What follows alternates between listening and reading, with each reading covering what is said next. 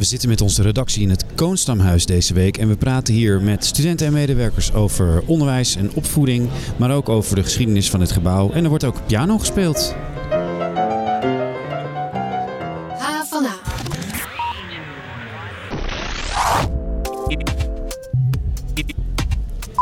Ja, fijn dat je luistert naar onze podcast. We praten door over het nieuws op en rond de HVA. Mijn naam is Daniel Rommens en tegenover mij aan tafel zit redacteur Kiri Stuy. Hoi Kiri. Hallo.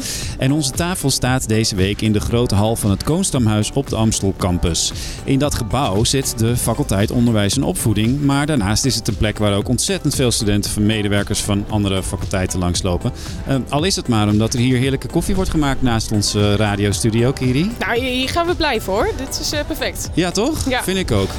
Wat is jou uh, verder het meest bijgebleven deze week, Kiri? Nou, dat was toch wel de verhalenjacht uh, door uh, het Koonstamhuis. Ik kwam terecht in de Piep en daar uh, kwam ik twee medewerkers tegen, Renger en Elisabeth. Nou, die werken daar dus al langer dan 25 jaar en kennen echt de meest bijzondere verhalen Zoals? en anekdotes. Nou, handpop Puk bijvoorbeeld is een hele vriendelijke gele handpop die echt de meest uh, um, gave avonturen heeft meegemaakt. Je moet even uitleggen, wat, wat, doet een handpop in een bibliotheek? Ja, nou het is dus de bibliotheek voor onder meer pedagogiek studenten. Dus daar is ook heel veel lesmateriaal te vinden voor, Ah, okay. uh, uh, voor basisscholen. Ja. Maar deze handpop is zowel geliefd bij basisschoolleerlingen als bij de studenten van de HVA. Oké, okay, want die pop is nou, uitgeleend is, of zo? Uh, die is uitgeleend inderdaad aan een Pabo-student die uh, twee maanden in Berlijn ging stage lopen. En die vroeg of zij uh, toch Puk misschien mocht meenemen. Dus het is een hele okay. geliefde handpop. Ja. nou, ze hebben daar ruim 20 jaar geleden een keer een hele bijzondere boodschap tussen de boeken gevonden. Wat was dat dan? nou, bleek dat er een dakloze s'nachts was uh, binnengeslopen en die daar uh, zijn behoefte had gedaan tussen de boekenkasten. Oké. Okay. En, Ik nou, dacht dat het van die kat was die hier op ja. de campus rond slingert. ja, want die is er dus ook nog. Ja. Er loopt hier inderdaad ook een kat rond die regelmatig gewoon eventjes op de leestafel klimt en elke student een kopje komt geven. Maf. Nou, genoeg. de, de, de, de hield niet op, al die verhalen. Nee. Nou, en ik ben uh, in de geschiedenis van het Koonstamhuis gedoken, want uh, het is nu een onderwijsgebouw, maar het was ooit een belastingkantoor. Wist jij dat? Ik, uh, dat wist ik wel, Oké, okay. ja. maar wist je wat er daarvoor hier stond? Nee, dat wist ik niet. Dat was namelijk het Weesperpoortstation. En uh, dat was een, een zogenaamd kopstation. Dus van hier vandaan vertrokken alle treinen naar Utrecht. En later ook de stoomtram naar Hilversum. En die heeft een heel bijzondere bijnaam gekregen in de loop van de jaren. Want nou? die werd namelijk de Gooise Moordenaar genoemd. En dat was omdat hij zoveel fietsers en voetgangers schepte hier in de straten van Amsterdam. nou ja, dat station is uiteindelijk gesloopt. Dus het Amstelstation kwam uh, daarvoor in de plaats. En toen hebben ze hier dat belastingkantoor neergezet. Groot. Uh, sommigen noemen het een pompeus gebouw. Het is in de Stalinistische uh, bouwstijl. Uh, maar nu zitten er vooral heel veel studenten in. Het is opgeknapt een paar aantal jaar geleden. En het heeft nu een monumentale status. Nou, die studenten die hebben wij zoals gewoonlijk met een open microfoon gevraagd of ze wat wilden zeggen tegen hun mede-HVA'ers. En dan krijg je de gekste dingen. Mijn mede-stagelopers zijn onder de 20. Dus ik had hun moeder kunnen zijn. Dat is heel leuk. En hoe oud ben je dan? 43. Ja, piano spelen is eigenlijk alles voor mij. Het geeft me energie. Het geeft me juist ook soms rust. Het maakt me blij. Uh, je kan het samen doen, je kan het alleen doen. Ik heb dus uh, op stage wel een keer uh, les gegeven over seks. Um, ja. ja, hele grote monden krijg je eigenlijk. Maar wanneer je dan vraagt van ja, kunnen jullie bepaalde woorden opnoemen, zoals condoom of vagina? Nou, dan is iedereen muisstil hoor. Ja, dat zijn natuurlijk ontzettend spannende en enge en ook wel heel grappige woorden om uh, in je mond te nemen. Uh, seksuele voorlichting, dat gaan, daar gaan we het over hebben. Dat is uh, nu op school vaak het domein van de biologieleraar. en die demonstreert dan met een banaan of een bezemsteel hoe je een condoom omdoet. En daar ja, eindigt het vaak een beetje. En dat kan beter als je het aan onderzoeker Mirjam Walpot vraagt. alle docenten zouden seksualiteit bespreekbaar moeten maken in de klas. En zij zit hier samen met docent Jona Meijer. Um, Mirjam, jij onderzoekt seksuele opvoeding in het onderwijs. Ja, dat klopt. En Jona, uh, jij um, leert aankomende docenten, maar pedagogen ook, uh, hoe zij seksualiteit bespreekbaar moeten maken. Ja, hoe ze dat moeten doen. Ja, zeker. Waarom moet iedere docent over seks kunnen praten? Ehm, nou, eigenlijk, eh, je zei net al seksuele voorlichting. Ik zou het liever hebben over seksuele opvoeding. Oké. Ehm, omdat seksuele voorlichting, dan hebben we het echt over dat ene moment in die klas. Ehm, een soort eh, beeld wat we daarbij hebben, inderdaad die, die eh, condoom die over die banaan heen gaat.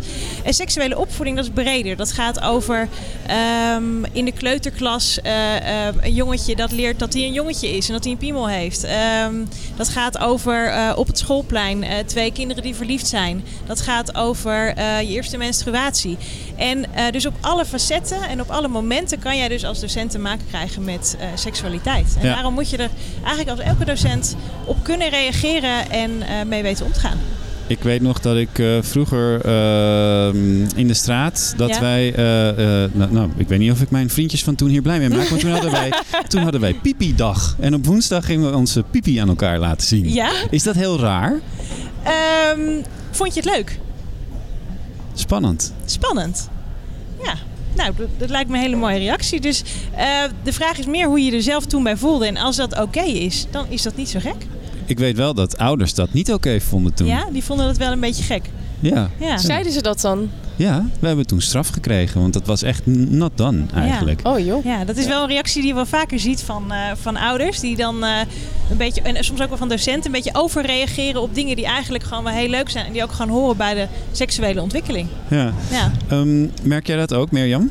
Nou ja, dat is wel iets wat je vaak terug hoort van ouders. Maar juist ook wat we uit het onderzoek weten en wat we ook terugzien in de manieren waarop wij seksuele opvoeding willen aandragen aan docenten, aan toekomende docenten en ook aan ouders, is dat het juist heel belangrijk is om te kijken naar wat is normaal gedrag en vinden kinderen of jongeren het prettig. En dat dat veel meer leidend moet zijn dan alleen te kijken naar van wat vind jij als ouder. Omdat je als kind vaak op een hele andere manier denkt en ook op een andere manier erin staat. Ja, ja. En wat wij daarbij veel gebruiken, wat veel gebruikt wordt, is het vlaggensysteem. En daar is een systeem waar een soort normatieve lijst is ontwikkeld. Waarin wordt gekeken van het gedrag wat je nou laat zien.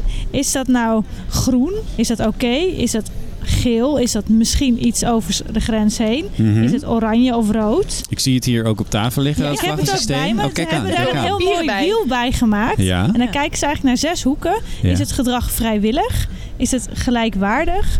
Hoort het bij de ontwikkelingsleeftijd? Is het oké in de context? Denk daar bijvoorbeeld aan dat het voor een jongetje van een jaar of 4, 5 prima is om thuis in de badkamer te kijken hoe zijn piemel eruit ziet. Maar als je dat op het schoolplein doet, dan worden daar toch wel vragen over gesteld. Ja. Ja. Dus het gaat ook om, is de context oké? Aha. Daarnaast kijk je naar zelfrespect. Doet het af aan iemand zelfrespect?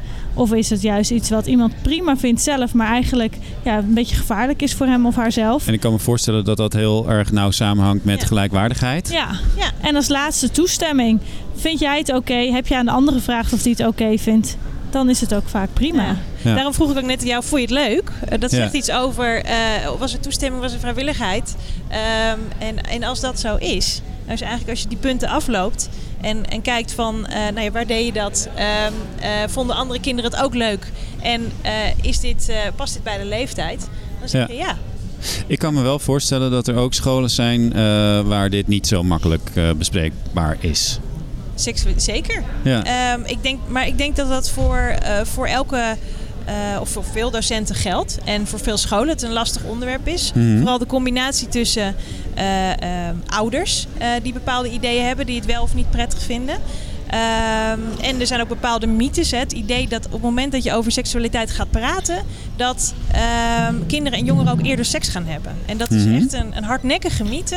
Ehm, en tegenovergestelde is eigenlijk waar. Ja. Hoe meer je praat, hoe beter je praat als ouder. En dan wordt het eh, geheim en stiekem en spannend natuurlijk. eh, ja, dus hoe meer je erover praat, eigenlijk een beter voorbehoedsmiddel is er niet. En ook doordat je ze voorlicht, maak je eh, kinderen en jongeren ook weerbaarder. En op het moment dat je weerbaar bent en weet wat je eigen wensen en grenzen zijn, durf je ook veel sneller te zeggen tegen een ander: nee, dit vind ik niet fijn. Of ja, ik weet het eigenlijk niet zo zeker. Ja. En kan een ander ook makkelijker inschatten: oh, wil de ander dat wel? Want hij zegt wel ja, maar ze kijkt er toch wel heel moeilijk bij.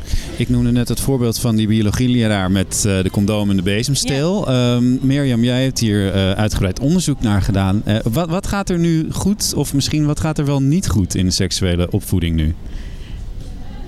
Nou, wat er precies goed en niet goed gaat, dat kan ik niet zeggen. Want ik kijk natuurlijk niet zelf elke dag bij de biologielessen mee. Nee, nee. Maar waar het denk ik om draait en wat het belangrijkste is, is dat het niet alleen een onderdeel is in een specifieke les, zoals bijvoorbeeld nu de biologieles, maar dat het een integraal onderdeel hoort te zijn van de hele ontwikkeling als kind, als jongere. En dat dus als docent daar altijd mee in aanraking kan komen. Dus niet alleen tijdens de biologieles, maar ook tijdens de Engelsles Ja. of de scheikundeles of tussen de lessen door op het schoolplein of in de pauzes. En dat je juist als docent ook dan weet hoe je moet reageren.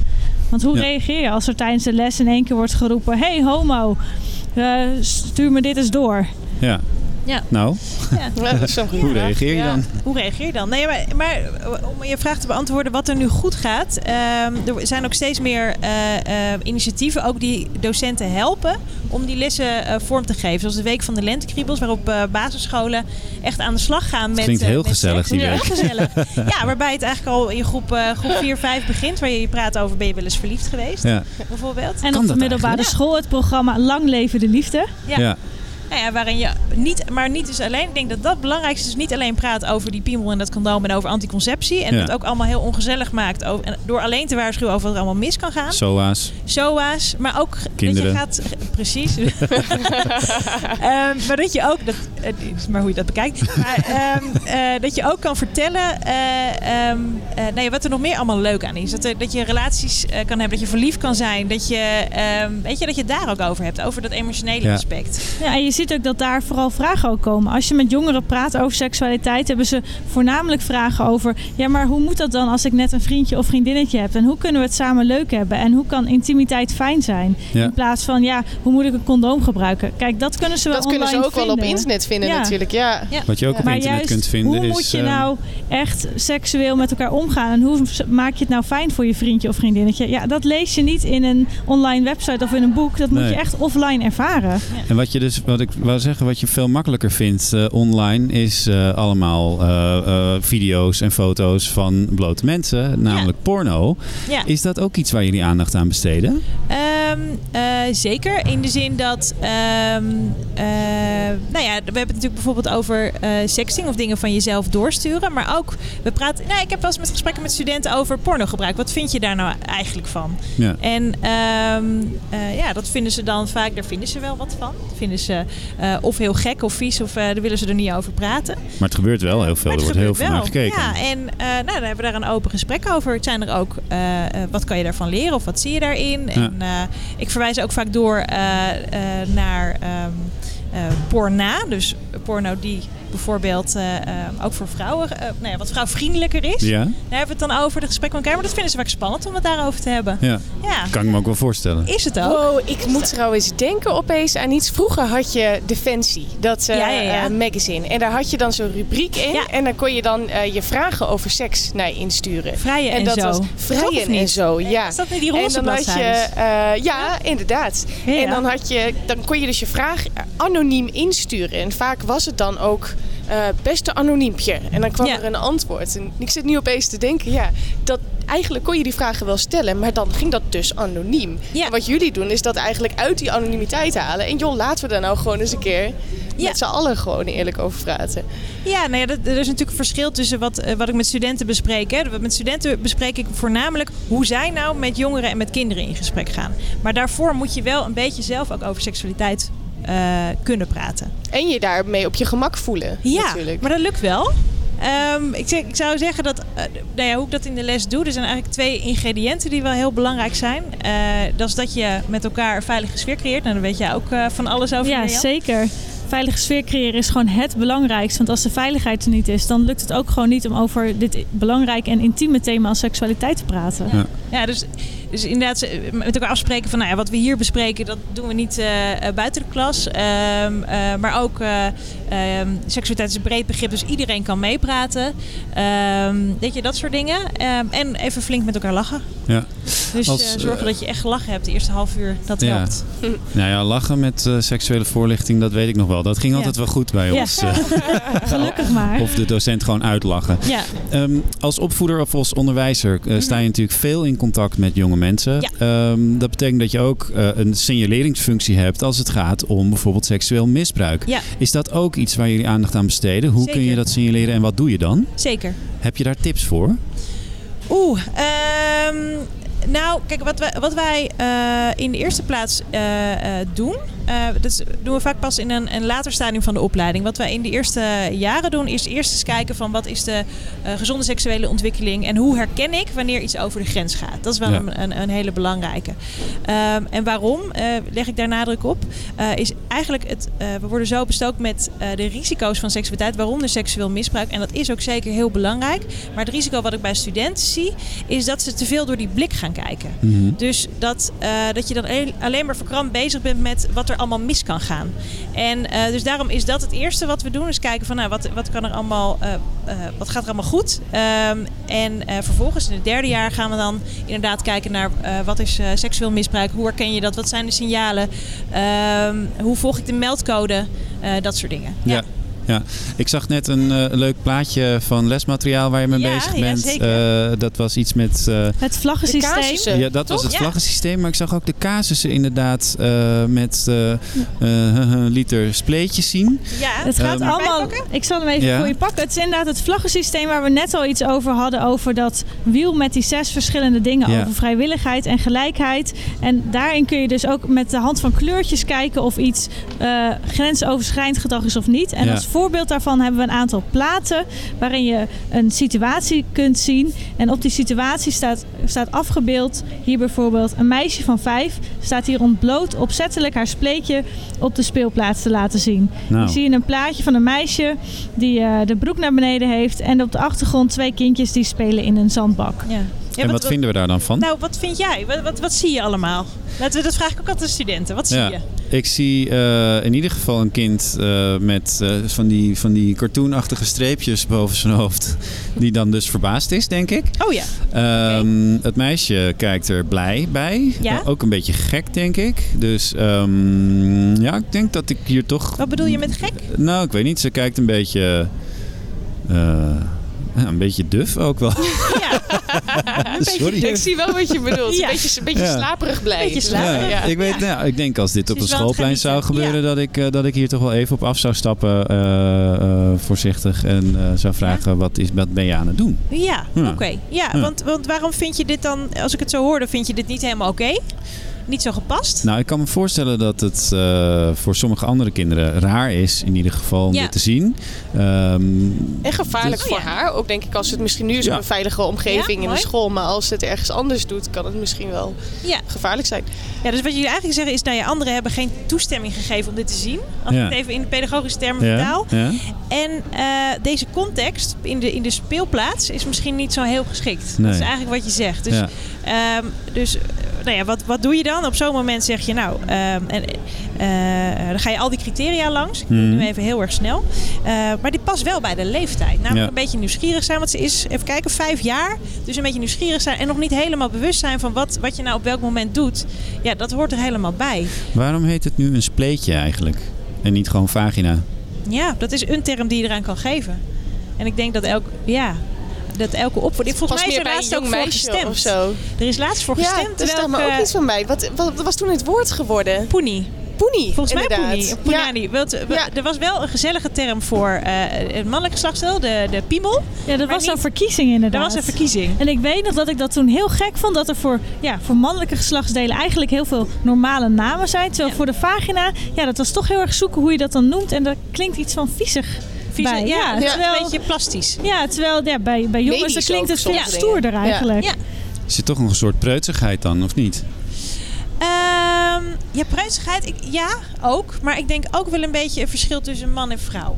Oké. Wel, ja, dat, dat, ehm, dat eh, op de een of andere manier daar toch anders over gesproken wordt door mannen onder elkaar eh, dan vrouwen. En dat we daar toch ons nog een beetje voor schamen om dat uit te spreken als vrouw. En dat is heel zonde. Ja, want bij mannen mag het er gewoon zijn. En is het zelfs stoer om over dit soort dingen te praten. Terwijl als vrouwen dat doen, ja, dat, dat is toch eigenlijk iets wat je bij, binnen gesloten deuren moet houden, Ja. lijkt het haast hebben het wel eens wel. met, eh, ook met studenten over gehad. Hè? Of, de, of, eh, of jongens onderling nou praten over masturbatie. Of dat nou of, of bij de vrouwen. En nou ja, dat is bij de vrouwen vaak toch een, een, een onderwerp wat je niet bespreekt. Over het verschil tussen mannen en vrouwen gaan we het straks ook nog hebben met onze volgende gast. Want uh, daar gaat het over uh, het gebrek aan mannen in, uh, op de opleiding pedagogiek. Ja, jammer. Um, dames, dank jullie wel dat Ja. jullie wilden aanschuiven bij ons. Heel erg bedankt. Uitnodiging. H van H. Waarom is dit onderwerp juist nu zo actueel? Maar zouden die HVA'ers niet ook boos moeten zijn? Eh, ja, eigenlijk wel. Ik vind het niet heel professioneel om mijn bestuursgenoot in de pers af te gaan vallen. Waarom gaat er zoveel geld naar jouw onderwijs? Nee, niet zoveel vragen hoor. Wil je niets missen van het nieuws en de verhalen van de campus? Schrijf je dan in voor de nieuwsbrief op havana.nl. We zitten hier natuurlijk op de onderwijsfaculteit en ik heb nu drie PABO-studenten hier aan tafel. Die zaten al een poosje te kijken, heel geïnteresseerd naar wat we hier aan het doen zijn. Um, vandaag zijn de eindexamens begonnen. Ja, klopt. En ik wilde eigenlijk van jullie weten, hoe, hoe lang geleden is het dat jullie eindexamen hebben gedaan? Uh, twee jaar geleden. Wat is jouw naam eigenlijk? Uh, Valerie. Okay. Ik ben in 2017 geslaagd. Oké, okay. en, en ging dat helemaal goed of heb jij ook nog iets verschrikkelijks meegemaakt in die periode? Uh, in mijn eerste, bij mijn eerste examen, bloedzenuwachtig natuurlijk. Ja. Toen waren we vijf minuten begonnen en toen werd er keihard K3 muziek opgezet. Door wie? Echt, ja, dat weten we niet. En dat gebeurde om het half uur. En op een gegeven moment is Wat erg. het examen is ook uh, twee uur lang verlengd. Jemig. Maar ja, als je daar super zenuwachtig zit. Ja, wat voor cijfer had je uh, uiteindelijk? Nou, ik heb mijn examens niet heel goed gemaakt uiteindelijk. Maar uh, ik weet niet meer precies wat ik daarvoor gehaald heb. Oké, okay. maar het, het, het, zal wel lastig geweest zijn in ja, ieder geval. Ja, concentreren was moeilijk. Ja. En jij? Uh, ja, voor mij is het alweer echt een tijd geleden. Wat is jouw naam? Uh, Rosa, ik ben Rosa. Ja, en uh, ik heb in 2015 heb ik mijn eindexamen gedaan. En nou, het enige wat ik me kan herinneren is dat ik gewoon in een soort van zombie-mode van mijn huis naar school ging. En dat ik hele vieze muesli-repen aan het eten was om een beetje energie te krijgen. Ja. En om die examens door te komen. En oh. nou, die muesli-repen die kan ik nu echt niet meer zien. En ook die geur van die gymzaal en zo. Ja, nee, het is echt... De geur van de gymzaal? Ja. Ja, ja. Ook die naar dan? Ja, nou ja, gewoon echt dat, echt dat, dat plasticen. En, uh, oh ja. en dan had je ook altijd weer een paar kinderen die dan of een snotneus hadden of heel erg aan het smakken waren met een kauwgom of zo. Ja, het was echt. Uh, ja, ik ben er echt heel blij mee dat ik er vanaf ben. En jij bent Uh, ja, ik ben Wetsel. Uh, ik ging eigenlijk naar mijn examens met het idee van ik ga het toch niet halen. Oké. Okay. Omdat Hmm. het gemiddelde van al je cijfers uh, een 5,5 moet zijn. Ja. En ja, mijn cijfers waren eigenlijk niet zo denderend. Maar je hebt het wel gehaald? Ik heb het uiteindelijk wel gehaald, Dus je ja. hebt het bij de eindexamens goed gemaakt eigenlijk? Ja, ik heb mijn eindexamens verrassend heel goed gemaakt. Maar okay. ik, omdat het ja, de rest van het jaar niet zo goed ging, dacht ik ja, waarom, waarom moet ik hierheen? Dan ga ik aan jou nu een tip vragen. Want jij hebt dus die, die centrale examens heel goed gedaan. Ja. Heb jij nog een tip voor de leerlingen die nu met klamme handjes uh, voor die zaal staan te wachten? Ja, ik zou zeggen gewoon maak je niet te druk. Uh, blijf rustig, lees alle vragen goed. Nou, klinkt als een zinnige tip toch? Zijn je het ermee eens dames? Oké, okay. nou dan laat ik jullie los, want jullie moeten naar een les geloof ik. Ja, helemaal goed. Ja. Dank dat jullie even aan wilden schuiven. Ja. En we blijven nog even bij de Pabo'ers, Kiri, want jij hebt met Pabo-studenten naar de Luizenmoeder gekeken. Hoe was dat? Ja, geweldig. Feest der herkenning. Waarom? Um, nou, de gekke namen van kinderen tegenwoordig. Mm -hmm. uh, 17, gebaseerd op 17. Okay. Dat was uh, een van de namen. Apart. En uh, het eindeloos afscheid nemen van, en zongen ze, dat, uh, zongen ze dat liedje ook? Nee, maar wel die enige gevleugelde uitspraak. Dus eigenlijk heeft Rianne er drie. En dat vinden wij niet raar. Dat, dat vinden, vinden wij alleen maar heel bijzonder. Jongens, komt-ie.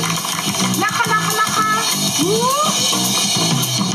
Bijvoorbeeld op elke school heb je die juf die alleen maar zingt. Die met ja. elk dingetje dan een liedje gaat zingen. Ja. Dat, is, dat is echt een en ding. En overgestructureerd is. Ja. Ja. ja. en alles moet zo en zo. En je hebt inderdaad altijd die moeder, die ene moeder die alles wil regelen en op school blijft rondhangen. En uh, uh, die daar echt heel erg de, de, leiding in neemt. En vaak zijn het ook hele leuke moeders hoor. Ja, um, die, waar je het wel echt goed mee kan vinden. Maar die is er vaak wel. Uh, we zoeken dus een nieuwe luizenmoeder voor deze groep. Zeker omdat er een paar nieuwelingen zijn die vaak luizen en andere ongedierte meebrengen. Dus, wie kan ik verwelkomen als nieuw lid van de Luizenpluisbrigade? Ja, die! Oh, dat is echt. Ook zo vies. En als je wil weten wat ze nou echt van de luistermoeder vinden, die paboors, dan moet je vooral het stuk op onze website even lezen.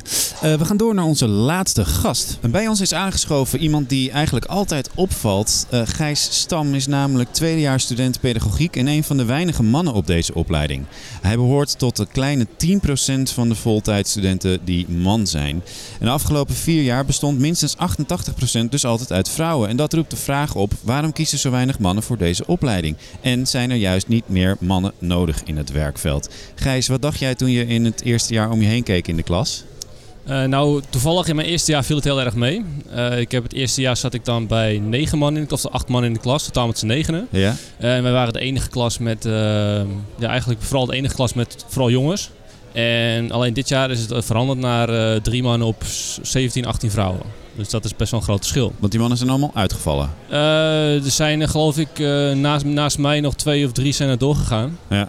En die anderen die zijn allemaal gestopt. Oké. Jij komt zelf uit een heel ander vakgebied, de exportsector. Yes. Um, waarom ben jij geswitcht naar pedagogiek?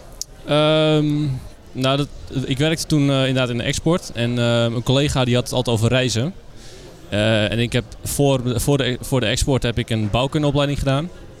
Um, en daar ben ik eigenlijk overgestapt omdat ik het niet, niet, vond niet leuk. Ik heb het gekozen omdat mijn vader het deed. Uh, en niet omdat ik het zelf graag wilde. Ik was zelf 16 dat ik de overstap maakte. Dus dat is nog niet echt een leeftijd waarop je zo'n keuze kan maken. En toen kwam ik dus in die exportsector en daar ben ik gewoon gaan werken. En mijn collega's die benoemden het, het, het reizen. Van dat ik jouw leeftijd was, wilde ik altijd gaan reizen. Ik heb dus heel veel reizen gemaakt. En tegelijkertijd ben ik gaan inlezen in allerlei verschillende dingen wat ik interessant vond. Um, en toen kwam ik bij een, een boek over mannen. Het heette Iron John. Van, ik weet niet meer wie hem geschreven heeft.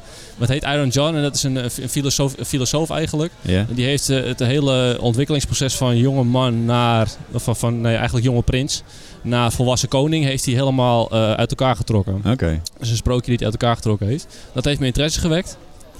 En van daaruit uh, ben ik steeds meer boeken gaan lezen. En dus tijdens het reizen en allemaal mensen ontmoet. En van daaruit kwam ik bij het, bij het man zijn.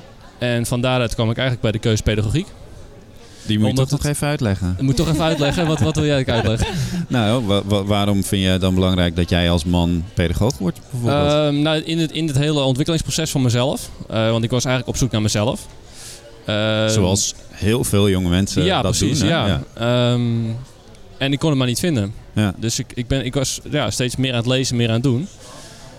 En ja, hoe meer, hoe meer mijn interesse gewekt werd, hoe, hoe um, belangrijker ik vond dat andere mensen het ook meekregen. Maar miste je dan Dus- een rolmodel of zo?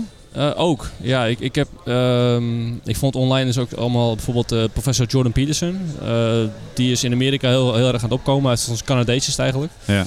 Is ontzettend, ontzettend aan het opkomen. Er is ook veel Eh, kritiek op. Ook veel kritiek. Maar, ehm, maar zeg maar, zijn manier van doen en spreken is heel erg eh, onderzocht. Het is allemaal, al- allemaal gebaseerd op wetenschappelijke artikelen. Hij heeft een hele gegronde achtergrond.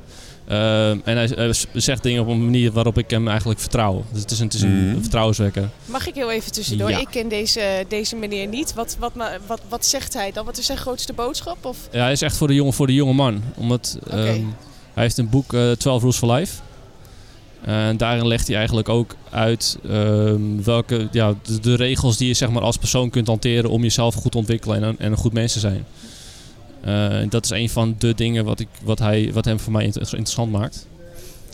En- Maar er, er wordt wel eh, eh, ook heel veel eh, kritiek op hem geleverd. Ook Ja. door hoe hij, juist door hoe hij kijkt naar mannen en vrouwen. Ja, nou ja, hij is, praat jij met, met medestudenten ook over dat je, dat jij wel fan bent van hem bijvoorbeeld? Ja, ik, ik, ik, ik prijs hem eigenlijk aan. Het is, Ja. het is gewoon een goed voorbeeld voor mij. Een groot voorbeeld zelfs. Ik heb eigenlijk nooit een mentor gehad of, een, of iemand die, die, waar ik tegenop keek. Mhm. En eh, zijn manier van welbespraaktheid en hoe hij, hoe hij zijn woorden brengt eh, en, en waar, waar die woorden vandaan komen, dat is, het, eh, het is onderzocht. Hij, hij haalt het uit wetenschappelijke artikelen. De tegenspraak die ik gehoord heb is vaak van, van de extreem linker. Linker, link, Ja. linkse. Ja. Ehm, Maar ook van feministen bijvoorbeeld? ja, maar het zijn vooral meningen. Weet je, en een mening is niet gegrond. Het is gewoon jouw mening. Terwijl, kijk, natuurlijk, een mening komt ergens vandaan. Het wordt gevormd. Ja. Maar eh, zoals hij het altijd zegt, eh, hij heeft een idee en dat daar wil hij zoveel mogelijk kritiek op, dat hij, zodat hij zijn idee kan testen. Ja. En als hij al die eh, testen doorstaat, dan pas brengt hij het uit als, een, als zijnde een ja, mening, feit. Ja. Dus En hij heeft het dus over rolmodellen. eh, en misschien ook, tenminste zo interpreteer ik het dan, hoe je als, eh, eh, eh, ja, ook als man op zoek kan gaan naar je mannelijkheid misschien. Of wat is dan een boodschap die jou daarin heeft geraakt? Wat is een voorbeeld daarvan? Ehm, dra- draag, eh, draag zorg voor je eigen acties. Ja, je bent verantwoordelijk voor wat je zelf doet en hoe jij, de, hoe jij met de wereld omgaat. Nog één ding over eh, Jordan Peterson en dan gaan we weer even terug naar Ja, eh, wat er hier in de klas gebeurt. Eh, hij heeft bijvoorbeeld heel erg veel kritiek op eh, een wet die in Canada is aangenomen. Ja. Die eh, zegt dat... eh, Is die aangenomen eh, nou, even kijken. Eh, ja, zeker, in 2016. Een wet die genderidentiteit en genderexpressie beschermt. Eh, tegen eh, haatuitingen. Dus haatuitingen tegen transgenders zijn daarmee strafbaar in Canada. Daarvan zegt Ja. hij dat gaat dwars door de vrijheid van meningsuiting heen. Eh, als, als toekomstig pedagoog. Ja. Stel dat je te maken krijgt met een kind dat niet lekker in zijn vel zit Mhm. in de genderrol die hem of haar is gegeven. Ja. Ehm, en die heeft er last van dat klasgenoten daar heel haatvolle of heel vervelende opmerkingen over maken. Wat zeg je dan tegen zo iemand als je Jordan Peterson als voorbeeld neemt?